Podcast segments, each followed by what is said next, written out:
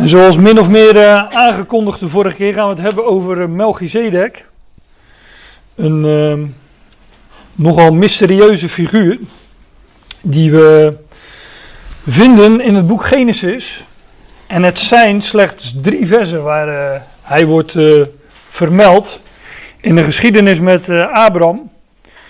En vervolgens komen we hem nog tegen in, wordt hij genoemd in ieder geval in Psalm 110.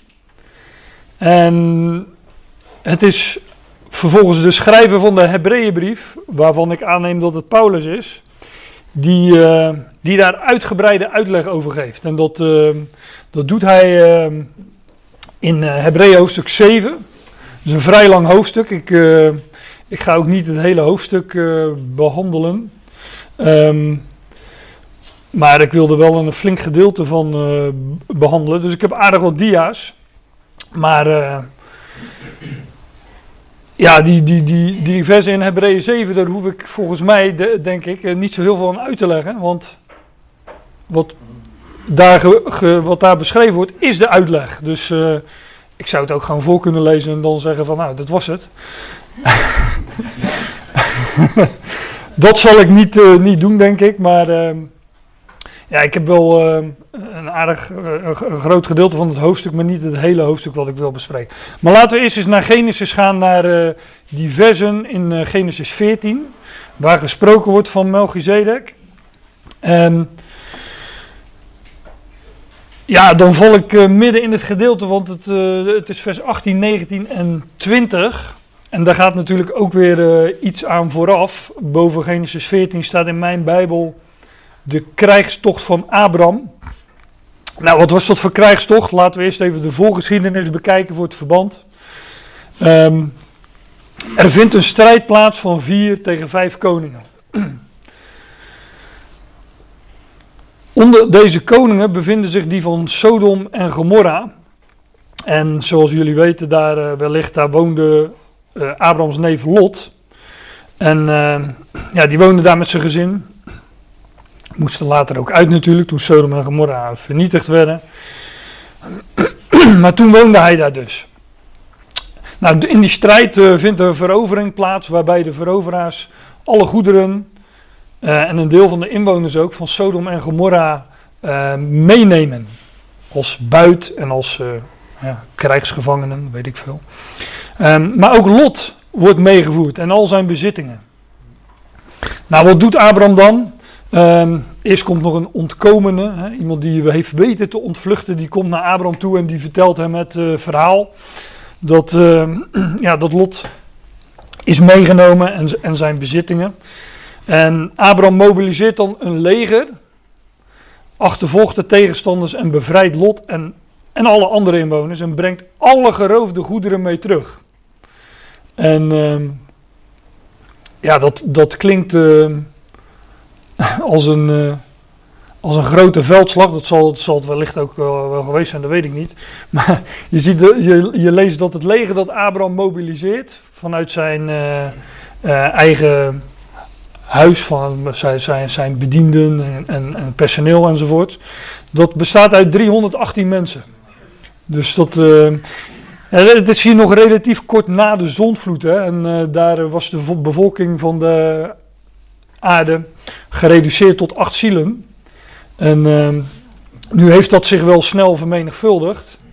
Maar uh, ja, dit is uh, relatief kort nog daarna. Dus uh, we, we, hebben het hier niet over een, een, wereldbevolking zoals we die in onze, in onze tijd kennen. Maar ehm, ja, Abraham die brengt alles mee terug. En, en wat je dan leest, dat na de overwinning, en die is dubbelzinnig, verschijnt Melchizedek. En Melchizedek is koning en hoge priester enzovoorts. Dat staat er allemaal. Maar dat is, alleen dat is al een verwijzing naar het hoge priesterschap van Christus. Want daar is het een beeld van. En dat, uh, dat, gaan, we, dat gaan we zien. Van het hoge priesterschap van Christus. Die ook hoge priester is geworden na zijn overwinning. Want op aarde was Jezus geen hoge priester. Of priester, of wat dan ook. Dat gaan we straks nog uitgebreid zien. Um, heel simpel, de, dat weten we ook allemaal van de zonderschool. De priesters waren uit de stam van Levi. hè, de Levieten. En koningen, die kwamen uit de stam van Juda. Dus Jezus was uit de stam van Juda. Hè, dat lezen we ook in uh, Matthäus 1 onder andere. En ja, die kon dus naar de mens onder dat oude verbond geen priester zijn. En toch zegt de schrift dat Christus hoge priester is geworden, uh, maar dan niet naar de, op de manier van het oude verbond zoals Aaron, maar naar de orde van Melchizedek. En ja, dan moet je weten wie die Melchizedek is en waarover hebben we het dan. Nou, daar gaan we het dus uh, over hebben. Genesis 14, dat uh, lezen we gewoon even door. Dit is dus na de overwinning, nadat Abraham, um, nadat Abraham die overwinning had behaald, Lot had ontzet en, en zijn familie en alle geroofde goederen mee terugnam. Dan verschijnt Melchizedek aan Abraham. En Melchizedek, de koning van Salem, bracht brood en wijn. Nou, Melchizedek, zijn naam betekent koning van gerechtigheid of rechtvaardige koning. Melech is, uh, is koning, kennen we in allerlei namen. Abimelech, Achimelech.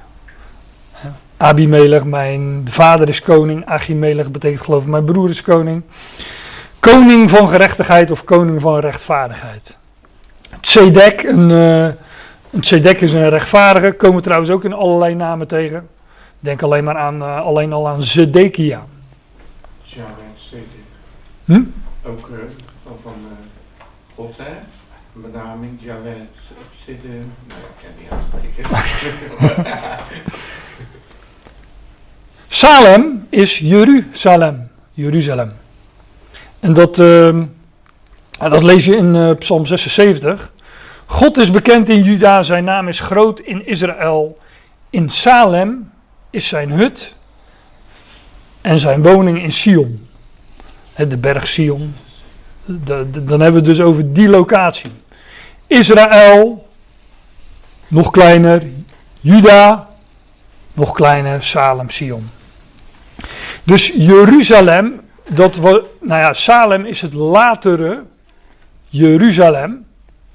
En deze Melchizedek was dus koning van, ja, van Salem, de plaats waar later Jeruzalem werd gevestigd. En Salem, dat is ook weer afgeleid van Shalom. Nou, dat hoef ik niet uit te leggen, dat is bijna hetzelfde. Hm?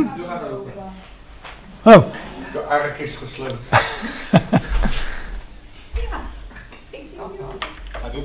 Ja, het is niet zo dat je hier zomaar binnen kan lopen. Hè? Dat, uh...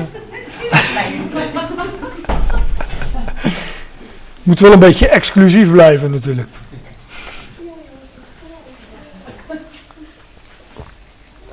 Ik zou als je er weer uitloopt even de deur op een kiertje laten staan uh, wellicht. Ja. Melchizedek. De rechtvaardige koning, de koning van gerechtigheid, was koning van Salem. Koning des vredes, hè, als je het gewoon letterlijk vertaalt. Ja, als ik dat soort dingen alleen al noemde. De rechtvaardige koning, koning van gerechtigheid. Um, de, de, de, de, koning van Salem, hè, dus de, de, de, de plaats van het latere Jeruzalem. Maar ook gewoon koning des vredes. Hè, de, en, ja, of anders gezegd, vredevorst. Nou, het zijn allemaal verwijzingen alleen al in de, in de namen naar hem die wij kennen als de koning van de gerechtigheid. Hè. Hij zal heersen in gerechtigheid. En uh, de koning des vredes, namelijk de vredevorst. Hij bracht brood en wijn.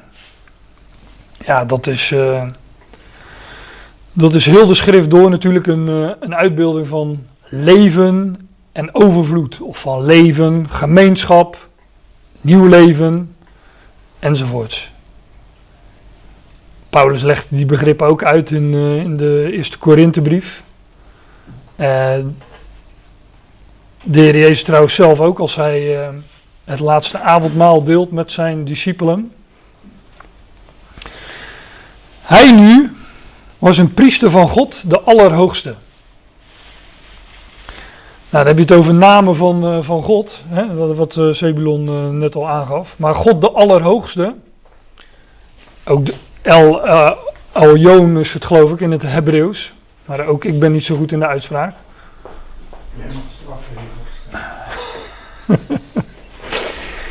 God de Allerhoogste is ook zo'n titel van God die we vinden in, in de Hebreeuwse Bijbel. En ik zou er voorbeelden van kunnen noemen, heb ik niet gedaan, want ik wil niet op elk detail uitgebreid ingaan. Maar God de Allerhoogste is ja, de, de titel van de Allerhoogste. En hij die ook boven alle partijen staat en uh, ook al zijn vijanden zal onderschikken. Maar die Melchizedek, wat, wat zien we hier in dit vers? Nou, die was koning en priester. Hé, hey, maar dat kan onder het oude verbond, kan dat dus niet. Want dan is de koning uit Juda en de priester uit de stam van Levi. En hier is iemand die is koning en priester. Waar die man vandaan komt, als je zo Genesis leest, ja, dat, dat is echt raadselachtig. En uh, nou, dat zegt Paulus eh, dus ook in zijn commentaar straks in Hebreeën, tenminste straks. Dat zegt hij in zijn commentaar in Hebreeën, waar ik straks naartoe ga. Maar ik wijs er nu alvast op. Hij was een priester van God, de Allerhoogste. komen nog wel meer mensen tegen trouwens hoor, in de schrift, waarvan we opeens lezen, ja, er is daar een priester. Voor mij de, de schoonvader van Mozes, hoe heette die, Jethro? Nou, die had een paar namen geloof ik, maar er was een media niet, maar dat, dat was ook een priester. Lezen we. Ja, dit heb ik dus al uh, naar voren gebracht. Koning en priester, dat is onder het oude verbond een onmogelijkheid. Uh, ja, want het priesterschap, is, het priesterschap is uit Levi en het koningschap uit Juda. En dat kan je nog nauw, dat, dat wordt natuurlijk nog nauwer als je ziet dat de, uh, het koningschap uit de dynastie uit, dus, uh, uit, de, uit, uit, David is, hè, de dynastie van David.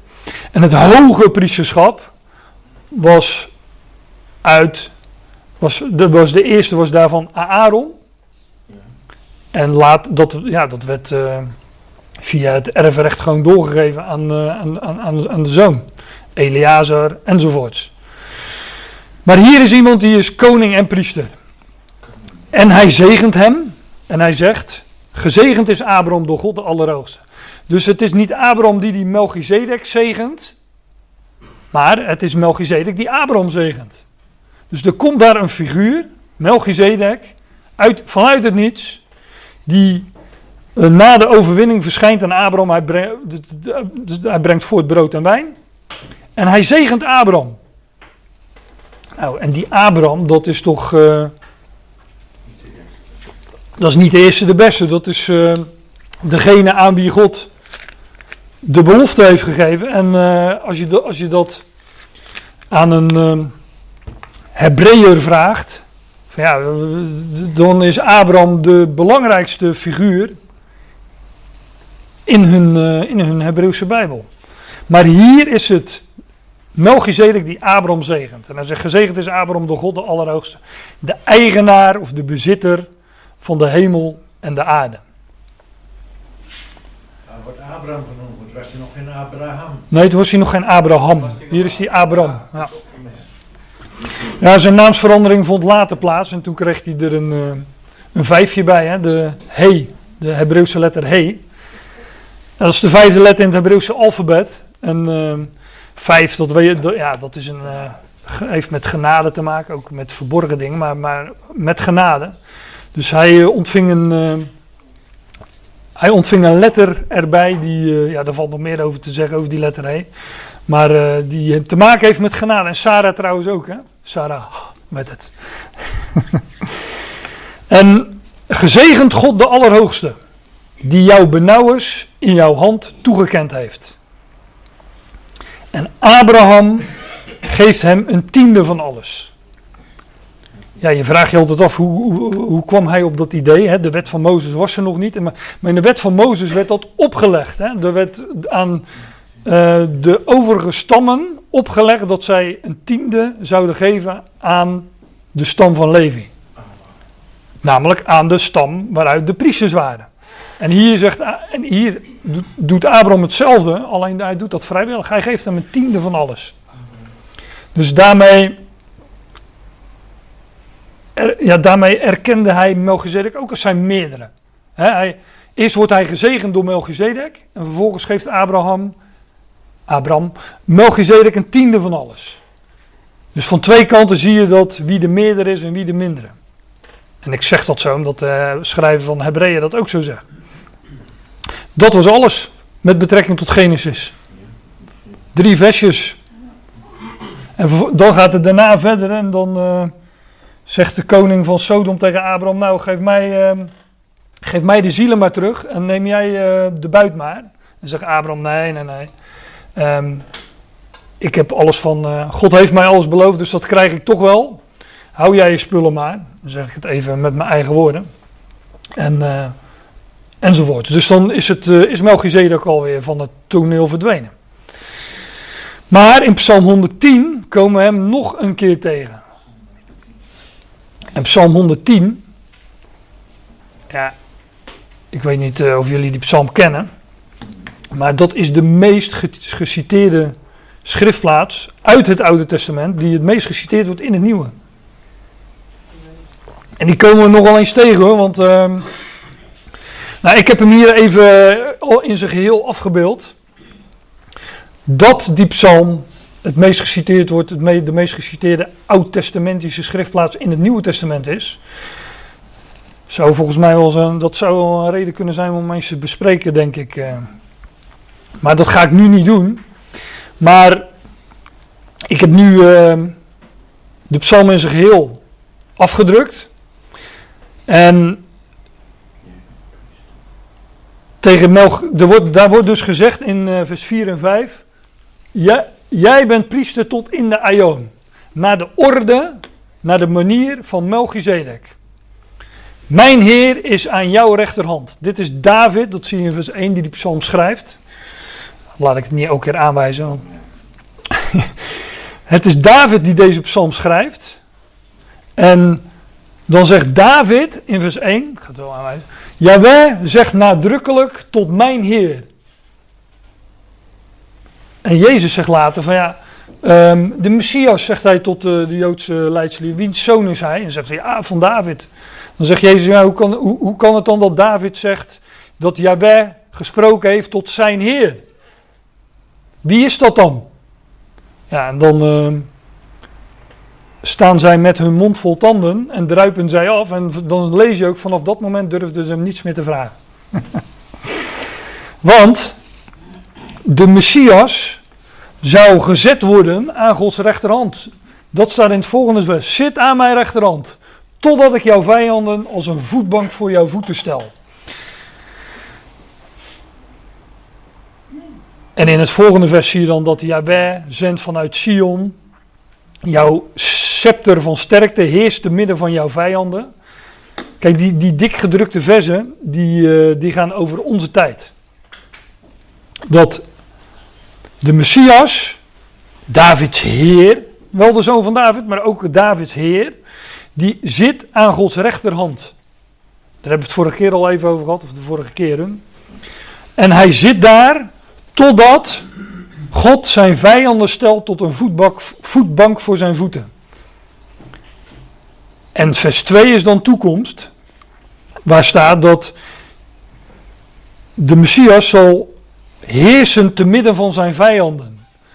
Hij zal wederkomen, Israël zal, ja ik zeg het nu heel kort, maar hij zal wederkomen, Israël zal zich bekeren en dan zal vanuit Israël het koninkrijk gevestigd worden over deze aarde, over deze wereld. Maar dan, op dat moment, is slechts alleen Israël als volk onderworpen en heerst hij sle- slechts over één volk te midden van zijn vijanden. En die vijanden die zullen onderworpen worden. En hij zit aan Gods rechterhand totdat God zijn vijanden stelt als een voetbank voor zijn voeten. Daarna zal vers 2 werkelijkheid worden of vervuld worden. Ja, en vers 3 is nog weer later.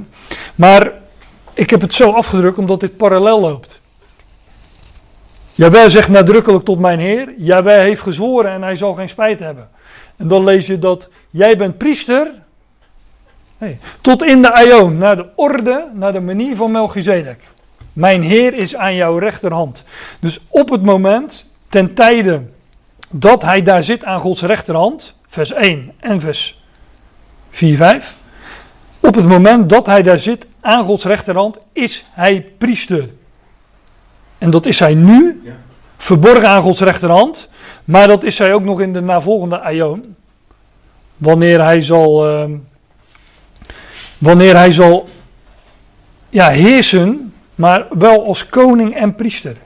We lezen van Israël bijvoorbeeld ook dat het een, Exodus 19 bijvoorbeeld, dat het een, jullie, jullie zijn mij een uitvervol- uitverkoren volk, een koninklijk priesterdom. Of een priesterlijk koninkrijk, ik weet nooit hoe het er staat. Maar het is een, Israël zal een volk zijn van koningen en een koninklijk, koninklijk priesterdom met een koninklijke en een priesterlijke taak. Namelijk de volken onderwerpen en over de volken heersen in, in gerechtigheid. Maar ook ja, wat een priester doet. Eh, en dat is, ehm, ja, laat ik het zo zeggen, dat is ook het, eh, het volk onder, de, de volkeren onderwerpen en onderwijzen van Gods machtige daden. Dat is wat een priester doet, onder andere. Maar die verse, zit aan mijn rechterhand totdat ik jouw vijanden als een voetbank voor jouw voeten stel. Jij bent priester tot in de aion naar de orde, naar de manier van Melchizedek. Mijn Heer is aan jouw rechterhand. Dat is zijn huidige positie verborgen. En dan zeg ik erbij, achter het voorhangsel. Zoals de priester op grote verzoendag inging in het heiligdom en daardoor aan het oog ontrokken werd door het gordijn, door het voorhangsel. Zo zit hij nu aan Gods rechterhand. Totdat.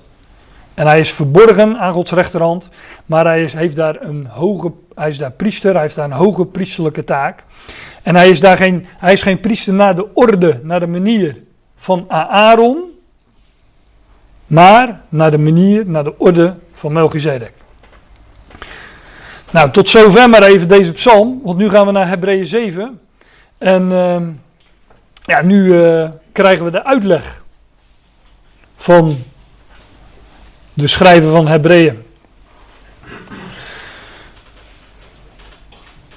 En dit, in Hebreeën 7, dat is niet de eerste keer dat die, ehm, de schrijver de, deze Melchizedek noemt. Want dat had hij al eerder gedaan. Maar Hebreeën 7, dat is eigenlijk het middelpunt, het hart van de Hebreeënbrief. En dat is letterlijk zo, maar ook figuurlijk. Want de brief ke- kent 13 hoofdstukken. En pre- precies in het midden vind je daar dus hoofdstuk 7. En dat is dus het. En, maar het centrale thema van de Hebreeënbrief is deze Melchi, is, nee, is Christus, die hoge priester is, naar de ordening, naar de manier van Melchizedek. En Paulus, neem ik aan dat het is, dus dat, eh, dat, blijf, dat blijf ik zeggen. Paulus die, eh, ja, die hikt daar echt tegenaan om dat onderwerp ter sprake te brengen in de Hebreeënbrief. Hij, neemt, hij, komt er ook, hij komt er een paar keer op en dan lijkt het net of hij weer één of twee stapjes terug doet en nog even wat dingen naar voren moet brengen. En hij noemde Melchizedek al eerder in Hebreeën. En hij zei bijvoorbeeld in Heb- Hebreeën 5, hij die door God aangesproken wordt als hoge priester naar de orde, naar de ordening, naar de manier, op, op de wijze van Melchizedek. En hij hikte daar maar tegenaan, want hij zegt over wie wij veel hebben te zeggen. Maar het is moeilijk uit te leggen, omdat jullie traag geworden zijn in het horen. En deze vers heb ik vorige keer ook besproken. En toen heb ik ook nog verder gelezen, dat doe ik nu niet. Maar toen zagen we ook dat deze dingen omtrent Melchizedek, dat dat vaste spijs is. En bij die Hebreeën was het zelfs zo dat zij weer nodig hadden om terug te gaan naar de melk. Want zelfs dat hadden ze niet meer eh, op een rijtje. Daarom zegt Paulus, we hebben veel over die Melchizedek te zeggen, maar het is moeilijk uit te leggen aan jullie. Omdat jullie traag geworden zijn in het horen. Nu zeg ik niet dat dit per definitie een hele moeilijke waarheid is, maar het is wel vaste spijs en dat is niet hapslik weg. Dus als je zegt van, eh, ja, ik, eh, ik moet daar toch nog eens mijn gedachten over laten gaan en dat nog eens herlezen en eh, herbestuderen en dat nog eens herkauwen. Dan zeg ik van ja, dat, dat is logisch, ja. Kijk, of je nou eh, moedermelk naar binnen werkt of een, eh, of een lekkere biefstuk. Ja, dat vergt wat, wat andere tactieken. Ja. Hè? Dat, dat, ja, dat moet je wat, wat meer op kouwen. Dus ja, dat is met deze dingen ook zo. De schrift noemt niet voor niets die, eh, eh, die illustratie van melk en vaste spijs. Hebreeën 6, dit is het, ik ga straks naar Hebreeën 7, dit is dan het direct voorafgaande. Om de hoop te vatten die voor ons ligt. Die wij hebben als een anker van de ziel, zeker en bevestigd, zeker en vast. Deze, de hoop waar, waar Paulus over spreekt, die, ja, ik, ga, ik, ik kan er niet eh, uitgebreid op ingaan, maar die stelt hij voor als een anker. Dat is ook mooi, hè? want onze hoge priester is verborgen aan Gods rechterhand. Ontrokken aan het oog, hè? achter het voorhangsel, achter dat gordijn. Maar een anker is ook iets, als het zijn werk doet, is het ook verborgen. Maar het is zeker en vast. Je ziet het niet, maar het doet zijn werk. Die, ja, die, nou, hij haalt die beeldspraak door elkaar natuurlijk. We hebben, die we hebben als een anker eh, van de ziel, zeker en bevestigd, zeker en vast. Die binnenkomt tot in het binnenste, voorbij het gordijn. Onze hoop, onze verwachting, waar is die nu? Ja, Paulus zegt in Colossense, die is, ons leven is met Christus verborgen in God. Hier zegt hij, ja, hij is tot in, eh, dat, dat ligt als een anker, hè, verborgen in de zee, ook nog eens in de zee, ook, ook een mooie beeldspraak, hè, een beeld van de volkeren. Maar of het is eh, achter het gordijn in het binnenste, voorbij het gordijn. Op die troon der genade, weet je wel, die, eh, dat verzoendeksel, op wat daar lag op de ark van het verbond. Dat is een uitbeelding van de troon waar hij is gezeten, aan Gods rechterhand. Waar Jezus ten behoeve van ons als voorloper binnenkwam. Als je over deze begrippen na gaat. Hier wordt gezegd, ja, de hoge priester ging het heiligdom binnen. En ook zo is Jezus in het binnenste binnengekomen. In de ware tabernakel noemt Paulus dat later. Namelijk de hemel zelf. Waarmee je meteen weet dat die tabernakel een beeld is van de hemel. En het ingaan van die hoge priester in die tabernakel tot in het binnenste. Een uitbeelding is van Christus die inging in de hemel. En nu dus verborgen is, ontrokken aan het oog. Net zoals die hoge priester dat ook was voor het volk. Maar hij is voorloper. Waarmee je ook weet dat we hem achterna mogen lopen. Want anders was hij geen voorloper. En dat was volstrekt verboden onder het oude verbond. Mocht niemand op die plek komen in dat binnensheiligdom. En ehm, dat is weer Hebreeën 10. Daar zegt, ehm, daar zegt de schrijver, daar heb ik geen diaatje van. Omdat wij dan broeders vrijmoedigheid hebben om in te gaan in het heiligdom door het bloed van Jezus. Op een, ja, een, verse en levende weg, zegt de Statenvertaling. Die hij ons ingewijd heeft door het voorhangsel enzovoort. Maar hij zegt gewoon, ja, wij hebben vrijmoedigheid om, die, om onze hoge priester te volgen tot in dat binnenste heiligdom. Nou, dat was onder het oude verbond eh, eh, ja, niet, in- niet, niet in vragen, dat mocht niet. Dat, dat haalde ook niemand in zijn hoofd. Maar wij, nu hij die weg ons ingewijd heeft, kunnen daar verschijnen, naderen tot de troon van de genade. En nu, eh degenen die de Hebreeënbrief een beetje kennen, die horen nu dat ik allerlei eh, dingen uit die brief zomaar even de revue laat passeren. Maar waar Jezus ten behoeve van ons als voorloper binnenkwam, die naar de ordening, naar de wijze, de manier, de orde van Melchizedek, hoge priester wordt tot in de aion. Nou, dat is dus, eh, dat zijn de, dit is dus het voorgaande gedeelte in eh Hebreeën 7. Overigens, één ding moet ik er nog bij zeggen, voordat ik dat vergeet. Die Hebreeën, heb ik vorige keer ook gezegd, die waren niet alleen traag om te ho- horen geworden, maar die hadden ook de neiging om terug te vallen op het oude verbond. En dus ook niet op de hoge priester naar de ordening van Melchizedek, maar op de hoge priester naar de ordening van Aaron. En de Hebreeën schrijver zegt, jullie eh, vallen nu, ja, ik zeg het even met mijn eigen woorden, jullie vallen nu terug op iets wat op het punt staat te verdwijnen.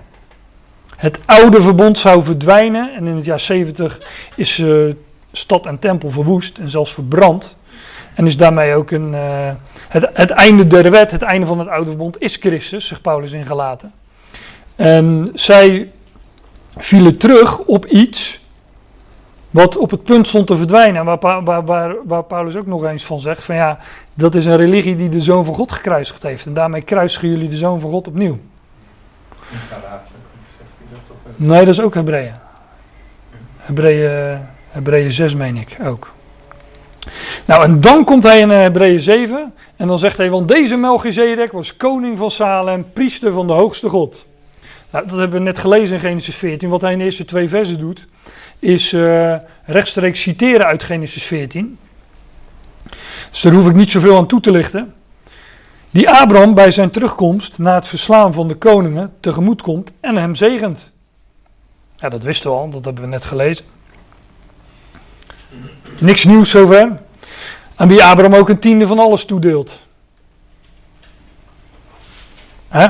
Abraham gaf Melchizedek de tienden. Is allereerst, zoals het vertaald wordt, koning van de rechtvaardigheid. Of koning van gerechtigheid. Rechtvaardige koning. Maar vervolgens ook koning van Salem. En dat is vertaald koning van vrede, koning des vredes. Ja, nogmaals, in Jeruzalem zal de troon van de Messias staan. Hè, koning van vrede, ja, dat is de vre- vredevorst, zo wordt de Messias genoemd in Jezaja 9. En er wordt ook gesproken in Jezaja 9 over heerschappij van vrede. Die zou hij vestigen als, eh, als koning. Ja, dat is natuurlijk allemaal een verwijzing naar, eh, naar Christus, naar de Messias, de hoge priester, naar de ordening van Melchizedek. Maar dit is dus eh, wat Paulus eraan uitlegt. Let op, zonder vader, zonder moeder, zonder een geslachtsregister, die geen begin van dagen of einde van leven heeft. En dit zegt de schrijver van Hebreeën, omdat voor een koning, maar ook voor een priester of hoge priester, een geslachtsregister van essentieel belang was. Want je moet als koning kunnen aantonen dat je uit de stam van Juda bent. En als priester moet je kunnen aantonen dat je uit de stam van Levi bent. Sterker nog, als hoge priester moet je, ja, moet je een afstammeling van Aaron zijn. Dus onder het oude, ik zeg ja, onder het oude verbond was dat wel van belang, maar dat is nog een understatement. Dat was van essentieel belang. En de geboorte van Melchizedek, ja, hij, ik zei al, hij verschijnt opeens op het toneel. En de geboorte van Melchizedek wordt niet genoemd. En zijn overlijden wordt ook niet genoemd, want het zijn die drie versen die we ehm, vinden in, eh, in Genesis 14. En daarna houdt het op, ja, hebben we nog Psalm 110. Maar er wordt wel van die Melchizedek gezegd dat dat hoge priesterschap van Melchizedek, omdat het, niet wordt, omdat het niet wordt benoemd dat hij stierf, dat hij is overleden, is het in beeld een hoge priesterschap dat nooit ophoudt.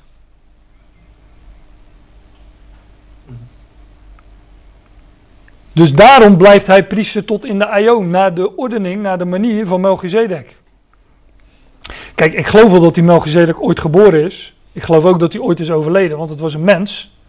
Alleen het wordt allemaal niet genoemd. En dat is betekenisvol, dat het niet wordt genoemd. Kijk, er zijn, men, zijn gelovigen die hebben, die hebben ehm, hieruit geconcludeerd, uit wat Paul- Paulus hier beschrijft over die Melchizedek, dat, dat het een Christofanie was, dat het een verschijning was van Christus zelf. En ik heb zelfs eh, dat ook wel eens een, eh, een interessante gedachte gevonden. Maar dat komt omdat die Melchizedek zoveel op hem lijkt. dat je bijna zou denken dat hij het zelf was. Maar dat geloof ik niet. Ik geloof wel dat hij gewoon geboren is en weer overleden is. Alleen hij is in de geschiedschrijving zonder vader, zonder moeder, zonder geslachtsregister. Geen begin van dagen of einde van leven hebbend. Want het wordt niet beschreven en dat wat beschreven wordt, nou, dat wat niet beschreven wordt, dat is zelfs illustratief, zegt de, de, de schrijver van Hebreeën. Dus hij gaat hier, dat, is, dat, dat is opvallend, hij noemt dingen die over die Melchizedek gezegd worden. En hij zegt van ja, dat is allemaal betekenisvol. Hij noemt zelfs een, maar hij noemt een aantal dingen ook niet. Dat hij brood en wijn voortbrengt, dat wordt niet genoemd in Hebreeën 7, bijvoorbeeld. Maar dingen die er niet staan, zegt hij, die hebben ook betekenis. Paulus. Zo diep gaat. Want hij zegt zonder vader, zonder moeder, zonder geslachtsregister. Maar dat vinden we niet in Genesis 14. Maar Paulus zegt, ja, le- let op, dat heeft betekenis. Die geen begin van dagen of einde van leven heeft. Maar vergelijkbaar met de Zoon van God. Naar de Zoon van God gelijk geworden zijnde, zegt de Statenvertaling. Maar hij is vergelijkbaar, ja, hij lijkt er wel heel veel op. Maar hij is vergelijkbaar met de Zoon van God. En hij bl- blijft hij priesters tot, hij blijft hij priester tot in het voortdurende. In dat beeld, zonder vader, zonder moeder, zonder geslachtsregister, geen begin en einde van dagen hebben, in dat beeld blijft hij, blijft hij priester tot in het voortdurende. Want van, ja, dat is, dat is meen ik ook dit hoofdstuk, 7. De schrijver van eh Hebreeën zegt dat die priesters onder het oude verbond, door de, er moest telkens een nieuwe komen. Want ze werden door de dood verhinderd te blijven. Zo zegt hij dat. dus ja, daar ging, het probleem was, er ging er weer een dood, er moest er weer een volgende komen. Maar met Melchizedek, in dat beeld, is dat niet zo. Die heeft geen eh, einde van leven, maar hij blijft priester tot in het voortdurende. En daarin is hij een beeld van Christus. Want Christus is ook, ja, die, Christus wordt niet door de dood verhinderd te blijven. Hij is opgestaan, hij heeft onvergankelijk leven ontvangen, onvernietigbaar leven, ook dit hoofdstuk. Hij heeft onvernietigbaar leven ontvangen en daarom blijft hij priester tot in de aion. Want hij, hij wordt niet door de dood verhinderd te blijven. Aanschouw dan hoe groot deze is, Melchizedek dus, aan wie de aartsvader, de oorspronger van alle vaders, van de stamvaders van, eh, van het volk. Hè?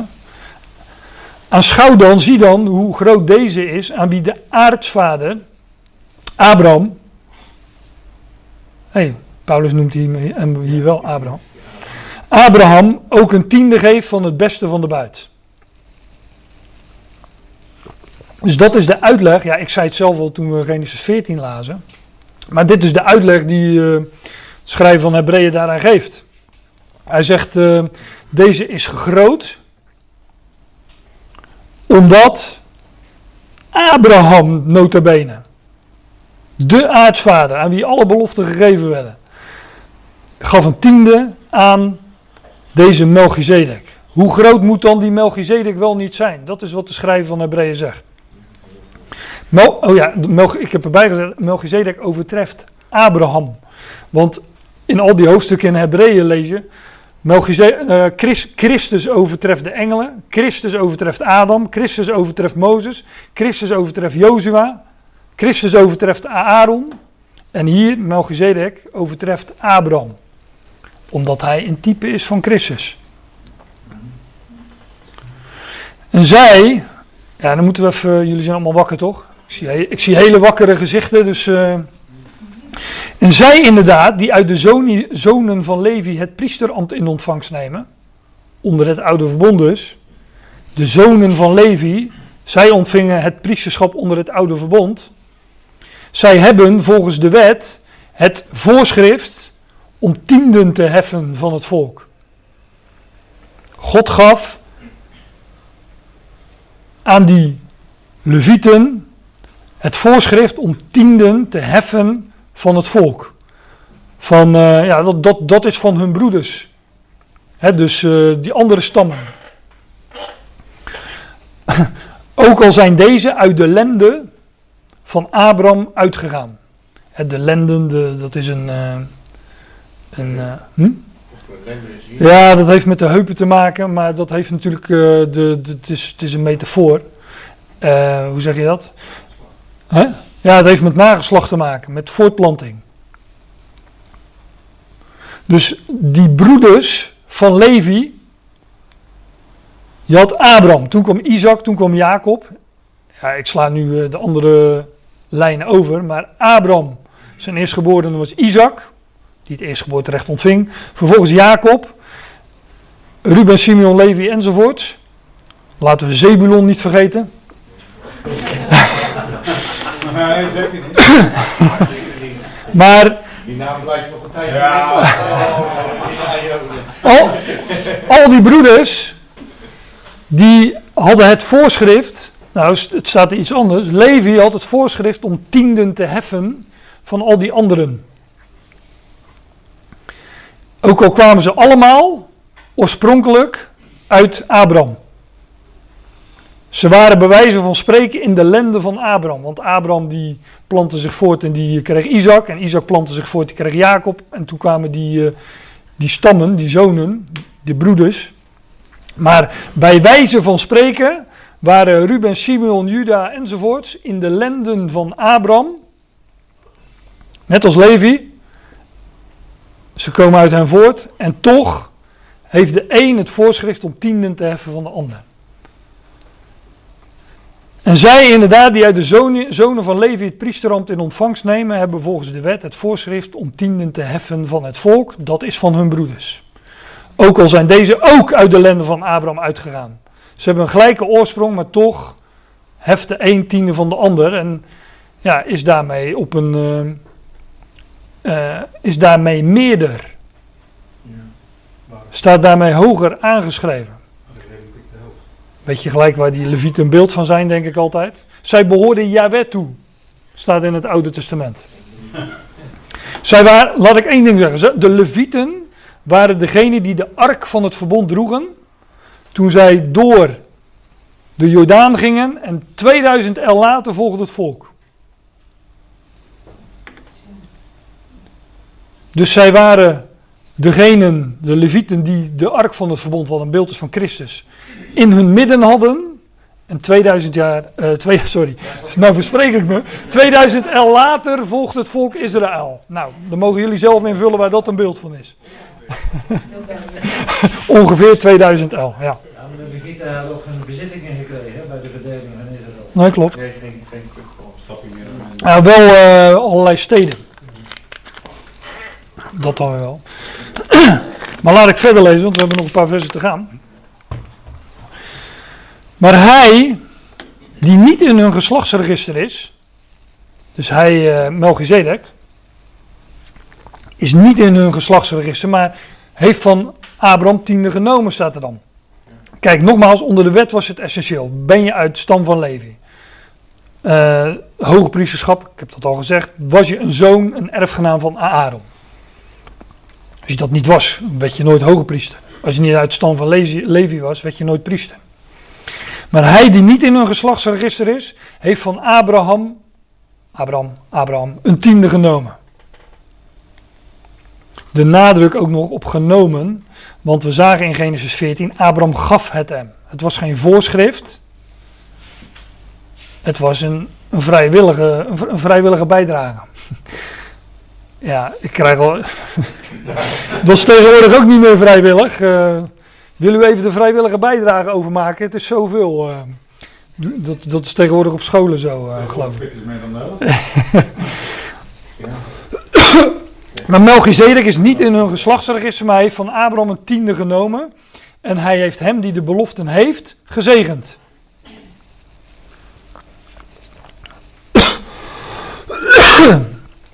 Even de keel smeren.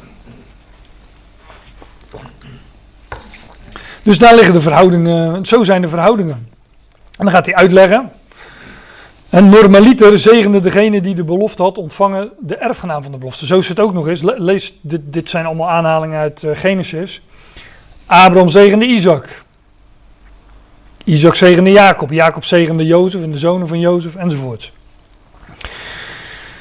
Maar hij die niet in een geslachtsregister is, heeft van Abraham een tiende genomen en hij heeft hem die de belofte heeft gezegend. Los van alle tegenspraak, hier is geen tegenspraak over mogelijk. Het mindere wordt door het betere gezegend. Of het mindere wordt door het meerdere gezegend. Dat is in de kerk nog steeds zo, hè? Daar heb je de leken en daar. eh, dan is het de geestelijke die het, eh gepeupel- eh, het, het, eh, het volk, de, de, de kerkgangers zegent. Netjes zeggen natuurlijk. Maar wij lezen gewoon in, de, in, de, in de brieven van Paulus dat wij alle gelijk zijn. En dat dat soort verhoudingen helemaal, die zijn er helemaal niet in de Ecclesia. Los van alle tegenspraak, het mindere wordt door het betere, het meerdere gezegend. En hier nemen sterfelijke mensen tienden in ontvangst. Onder of door Wat? gezegend.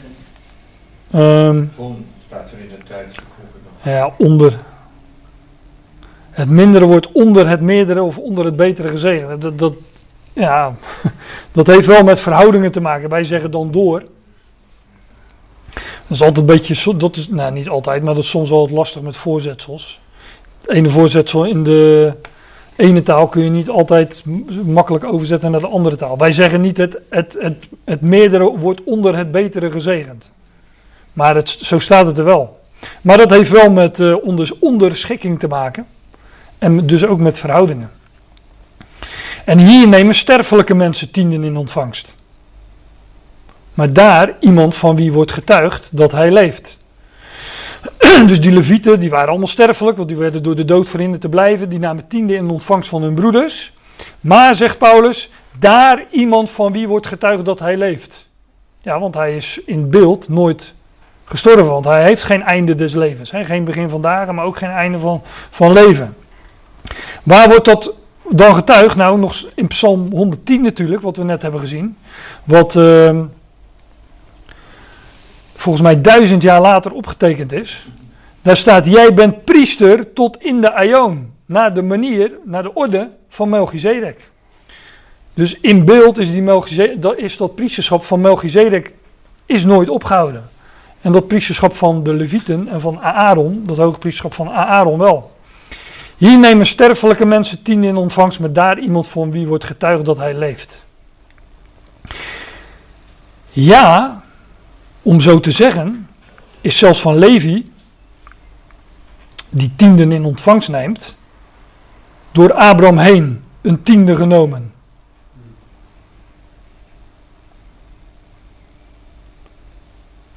Want, hoe dan? Nou, dat staat gewoon in het volgende vers. Want hij was nog in de lende van zijn vader, wanneer Melchizedek hem tegemoet komt. Dus toen Melchizedek verscheen aan Abraham, was bij wijze van spreken Levi in de lende van Abraham. Abraham gaf Melchizedek de tienden. Dus Levi gaf bij wijze van spreken ook de tienden aan Melchizedek. Terwijl Levi, de Levieten, onder het oude verbond tienden namen. Gaven zij aan die Melchizedek, bij wijze van spreken, vanuit de lende van Abraham, tienden naar Melchizedek. Waarmee dus aangetoond wordt dat die Melchizedek hoger is dan het Levitisch priesterschap, hoger is dan Aaron enzovoorts. Dat is wat hier uitgelegd wordt. Ja, je moet er even bij blijven, maar ik zei al, dat is vaste spijs. Indien dan door het Levitisch priesterschap de vervolmaking was. Als dat nou volmaakt geweest was. Hm? Immers, het volk is op basis daarvan onder de wet geplaatst. Dus, dat is heel sterk hoor, wat hier, staat. Hier staat dat het volk onder de wet geplaatst was, wet, op basis van het Levitisch priesterschap. Dus het volk ontving niet het Levitisch priesterschap op basis dat ze onder de wet werden geplaatst. Nee, het is andersom. God wilde blijkbaar dat Levitisch priesterschap, daar wilde hij iets mee demonstreren, iets mee illustreren. En daarom werd het volk onder de wet geplaatst. Onder andere, maar er zijn, de, de Paulus, Paulus geeft nog een aantal redenen waarom het onder de wet werd geplaatst. Opdat de zonde zou toenemen namelijk. Romeinen 5 vers 20. En gelaten 3 vers 19 of zo, geloof ik. Maar het volk is op basis daarvan onder de wet geplaatst. Even een tussenzinnetje. En nu even de hoofdzin. Indien dan door het Levitisch priesterschap de volma vervolmaking was, hè, als dat nou tot volmaaktheid had geleid. Welke behoefte is er dan nog aan een ander soortige priester? om op te staan. Dat is ook dubbelzinnig, hè? Want hij werd priester naar de ordening van Melchizedek in zijn opstanding. Welke behoefte is er dan nog aan een andersoortige priester om op te staan? Naar de ordening van Melchizedek, van wie niet gezegd wordt dat hij naar de ordening van Aaron is. Ja, dus dat, daarmee wordt meteen gezegd dat Levitisch priesterschap is niet volmaakt. En daar gaat het hele hoofdstuk over. Hè. Ze werden, dat zei ik al, ze werden door de dood verhinderd te blijven. Nu, vraag, nu zit ik me wel elke keer te vra- vragen waar dat ook weer staat. Oh ja. 7 vers 23. Daar kom ik niet meer aan toe, maar eh, ja, wat jullie gewoon eh, zouden kunnen doen eh, vanmiddag. Ik geef geen huiswerk zoals Fred, maar lees dat hoofdstuk gewoon eens aandachtig door. En nog eens, en nog eens. En kijk van, wat, wat staat hier nou precies? Of deze week. Hè? Hebt. En nu wel, want ik zet het vanmiddag op, op mijn website. Dus indien dan door het Levitisch priesterschap de vervolmaking was, welke behoefte is er dan nog aan een andersoortige priester om op te staan? Naar de ordening, naar de manier van Melchizedek, van wie niet gezegd wordt dat hij naar de ordening van Aaron is. Want door het omzetten van priesterschap komt er noodzakelijk ook een omzetting van wet. Ja. Dat betekent dus, want toen, toen Christus hoge priester eh, werd naar de ordening van Melchizedek, daarmee zou je al kunnen weten dat daarmee de wet beëindigd werd. Want de wet wordt omgezet, want onder de wet, onder het oude verbond, was er een priesterschap naar de ordening van Aaron. En door het omzetten van dat priesterschap, dat is blijkbaar omgezet, want dat zegt de schrijver hier, naar niet meer naar de orde van Aaron, maar naar de, orde, naar de manier van Melchizedek, komt er ook noodzakelijk een, eh, een omzetting van wet. Ja, de boodschap in deze brief, laat ik dat nog maar eens benadrukken, is dat het oude verbond en alle rituelen, zoals dat hoge priesterschap, zouden ophouden te bestaan. En ze- En die Hebreeën vielen daarop terug. En de schrijver van de Hebreeën zegt, ja, doe dat nou niet, want ehm, ja, dat is ook hoofdsucces. Dat, dat, dat, gaat, eh, het einde daarvan is verbranding, staat er zelfs. Dat zou ophouden.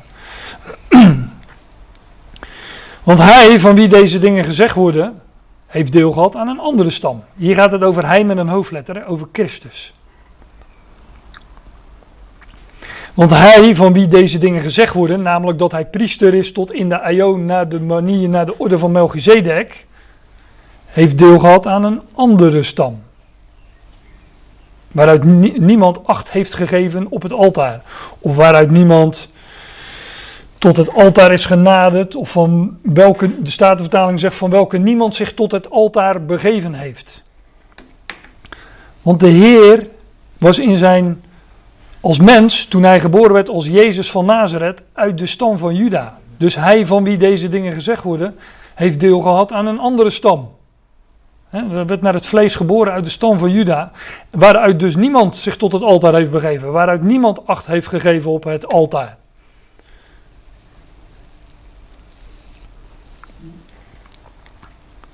Want het is onmiskenbaar dat onze Heer vanuit Juda is opgegaan. Of uit Juda is gesproten. Zegt de Statenvertaling. En over deze stam spreekt Mozes niets in zaken priesters. Dus na, als mens was hij geen priester en geen hoge priester. Dat kon ook niet. En zo wordt het wel meestal uitgelegd. In, in allerlei eh, commentaren en dergelijke. Maar het commentaar geeft de. En die begrijpt men dus blijkbaar niet. Het is onmiskenbaar dat onze Heer vanuit Juda is opgegaan. Over deze stam spreekt Mozes niets in zaken priesters.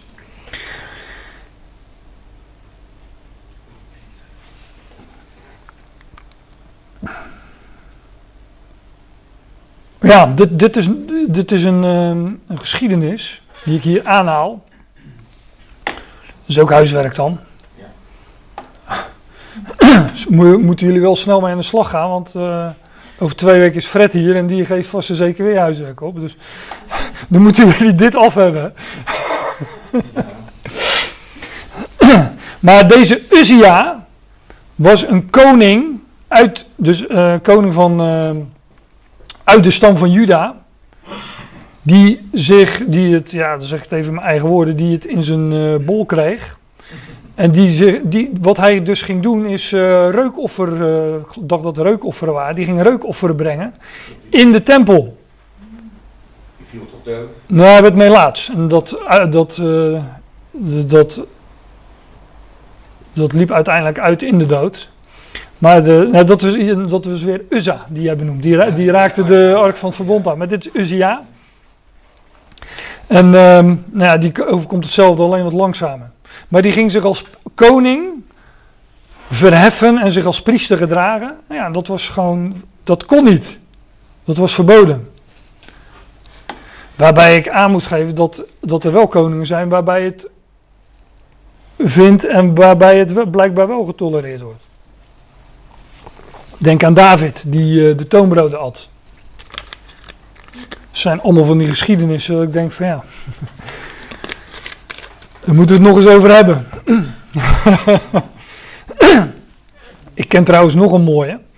Ehm, hoe heette die nou? Er, er, is op een gegeven moment in de geschiedschrijving van eh, Koningen, 2 Koningen 11 is dat, meen ik. of 2 Kronieken 11, ik weet het niet. Daar is een ehm, ene Atalia, een vrouw, die het hele koningshuis van Juda uitroeit. Denkt ze. Geen vriendelijk iemand. Nee, dat was geen vriendelijk iemand. Dat wa-. Dat was echt een, wet, dat was echt een wetteloze. Die, die roeide het hele huis van David uit, dacht zij. En dan is er een andere eh, dame met een moeilijke naam. Die een nakomeling uit het huis van Juda, Joas, verbergt. En waar wordt die verborgen? In, het, in, in, in de tempel. Ah, dus die wordt, die wordt zes jaar verborgen gehouden in de tempel. En in het zevende jaar komt hij naar buiten. Dus daar is een koning uit de stam van Juda die verborgen wordt achter het voorhangsel in de tempel. En daar zes jaar verborgen blijft en in het zevende jaar op de Sabbat, zeg maar. Oh nee, dat is de zevende dag. Maar ja, dat is natuurlijk wel het beeld. Komt hij naar buiten en eh, eist hij zijn koningschap op. Want hij zou Zit aan mijn rechterhand, namelijk in het binnenste van achter het voorhangsel, zit aan mijn rechterhand totdat. Totdat hij koning wordt en alle vijanden aan zijn voeten gaat onderwerpen. Jonas kan niet achter het voorhangsel toch verborgen zijn. Nou ja. Eh, Dat weet ik niet, maar het staat in ieder geval dat hij eh, in de tempel verborgen was. Er ringen trouwens meerdere voorhangsels. Hè? Om het tempelhuis sowieso binnen te gaan, het heilige. En eh, bij het heilige der heiligen nog een. Dus als je het, in de tempel bevindt, dan bevind je je altijd achter een voorhangsel. Maar ik moet verder. Het is onmiskenbaar dat onze Heer vanuit Juda is opgegaan. Over deze stam spreekt Mozes niets in zaken priesters. En het is nog bovenmate duidelijk, duidelijker indien er een andersoortige priester op staat, naar de gelijkenis van Melchizedek. Hier ook weer gelijkenis, naar de gelijkheid, naar de gelijkenis van Melchizedek. Het, het, hij is het niet, Christus is niet Melchizedek, maar Melchizedek lijkt wel heel veel op hem. Ja, omdat hij een type is, een, een illustratie van. Ja, het is nog bovenmate duidelijk indien een andersoortige priester op staat naar de gelijkenis van Melchizedek, die dit niet is geworden is krachtens de wet van een vleeselijk voorschrift, zoals het oude verbond, dat priesters aanwees naar het vlees, uit de stam van Levi, uit de familie van Aaron, en naar het vlees. Maar hij is het geworden naar de kracht, krachtens de macht, krachtens de macht van een onontbindbaar leven.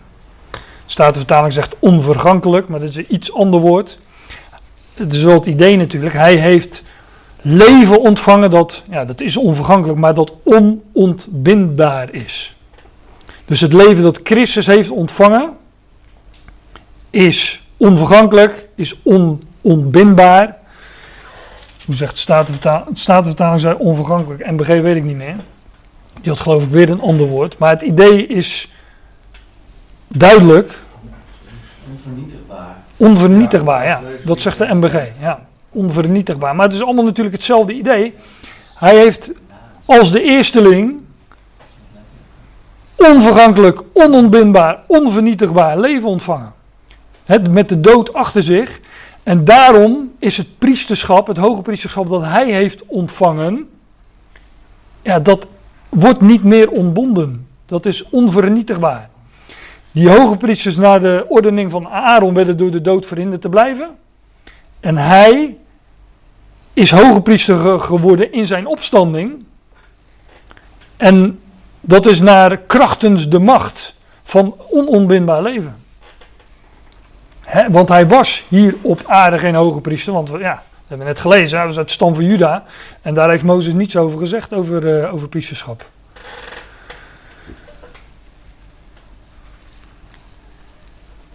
Oh, Ja. als je dit op, eh, weet ik veel wanneer ik dat, die PowerPoint op zit te maken, donderdag, vrijdag geloof ik. Dan ben je, ja.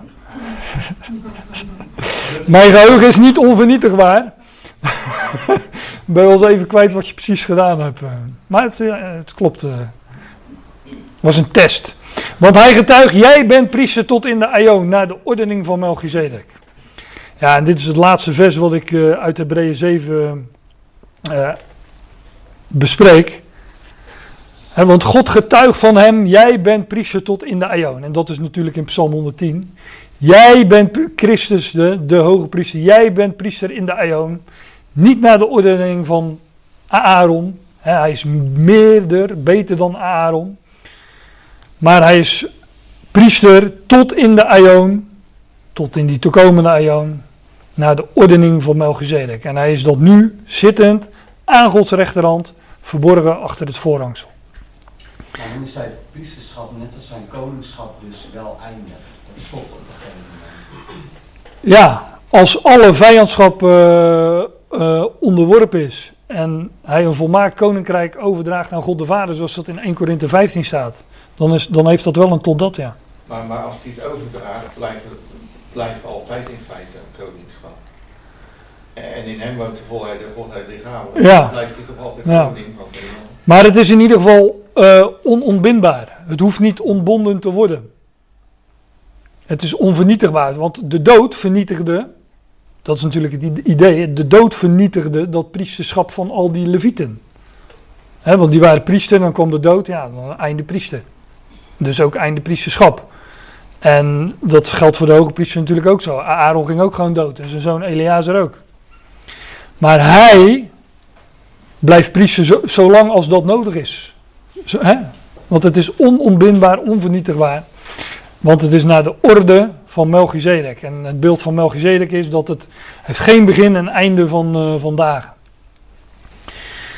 En hij is dus nu de middelaar, dat is weer een, eh, een ander woord, aan Gods rechterhand. En eh, waar hij, hoe staat het er ook weer?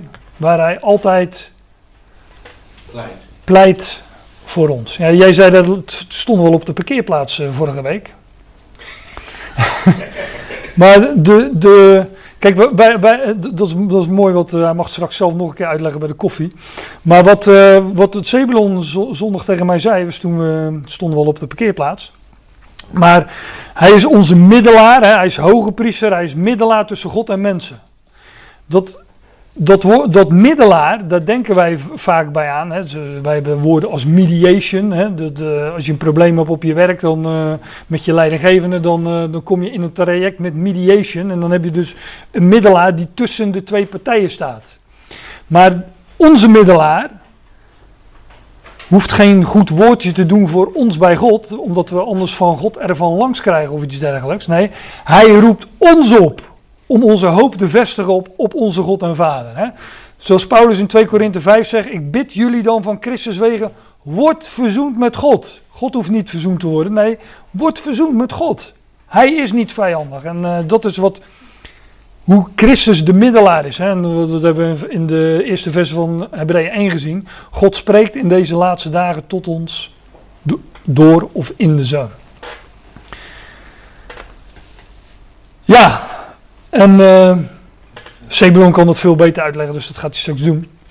En eh, ja, ja, zeggen dat de Joden, de Joden, dwalen ook, eh, want die zeggen dan dat eh Melchizedek eh, Sem zou zijn, omdat hij nog Ja. leefde. Maar van Ja. Sem is geslachtsregister bekend. ja, ja, er, zijn, Kan Sem niet geweest zijn, Melchizedek? Omdat veel mensen dat, daar ook op afgaan op die uitleg. als, ik, als ik jullie een, een advies mag doen. Oh, Kijk, je kunt gaan googlen op Melchizedek, nou dan vind je echt de raarste dingen. Maar ga gewoon lezen wat, wat, wat, ga de uitleg lezen die de Hebreeën schrijver geeft. En niet, eh, ja, de- als je, en als je dat eenmaal tot je hebt genomen, dan, moet, dan kan je eens gaan googlen. En kijken wat men er allemaal over zegt. En dan, eh, hè, maar dat kan dus nee, dat kan dus ook niet. Nee, van. Maar dan wordt het wel eh, lachwekkend. Hè? Maar ja, je vindt ook in allerlei, ehm, hoe zeg je dat, op spirituele websites vind je eh, dingen over die Melchizedek. Dus altijd als er niet veel over gezegd wordt, kan men daar eigen invulling aan gaan. Eh, zelfs dat het. God zelf zou zijn, dat wordt ook uit. Ja, ja. Nou goed, ehm, ik sluit af met dit vers. Want ja, dit is de hoofdsom van Hebreeën. Dit is de hoofdsom van, de, en ik sla dan de, de, komen- de volgende vers in hoofdstuk 7 over. En, eh, wat, en dan wordt in eh, hoofdstuk 8 gezegd, dit is de hoofdsom, de hoofdzaak van de dingen die er gezegd zijn. Wij hebben zulk een hoge priester, zulk hè, zodanig, op die wijze, naar die manier. Nou ja, we weten inmiddels eh, hoe dat zit. Die gaat zitten aan de rechterhand van de troon van de majesteit in de hemelen. Daar is hij gezeten en daar, ja, dat, zo'n hoge priester hebben wij. Die niet door de dood wordt verhinderd te blijven, maar dat naar de kracht is van onontbindbaar leven. En ik sluit echt af met woorden uit eh 1 Korinthe 15. Dank aan de God, zegt Paulus daar. Maar dank aan de God die ons de overwinning geeft. Door onze Heer Jezus Christus. Zodat, hè, zodat we staan in die overwinning. Dat, dat is eigenlijk wat, eh, wat Paulus hier aanbeveelt. Zodat mijn geliefde broeders, wordt gevestigd, wordt standvastig, onverzettelijk. Hè, dat je niet heen en weer bewogen wordt altijd overvloedig in het werk van de Heer. En ehm, ja, hij heeft een werk gedaan en in die werken mogen wij dus eh, wandelen. En dank aan God dat hij ons de overwinning geeft. Die ontvangen wij gewoon. Om niet. Door onze Heer Jezus Christus. Amen.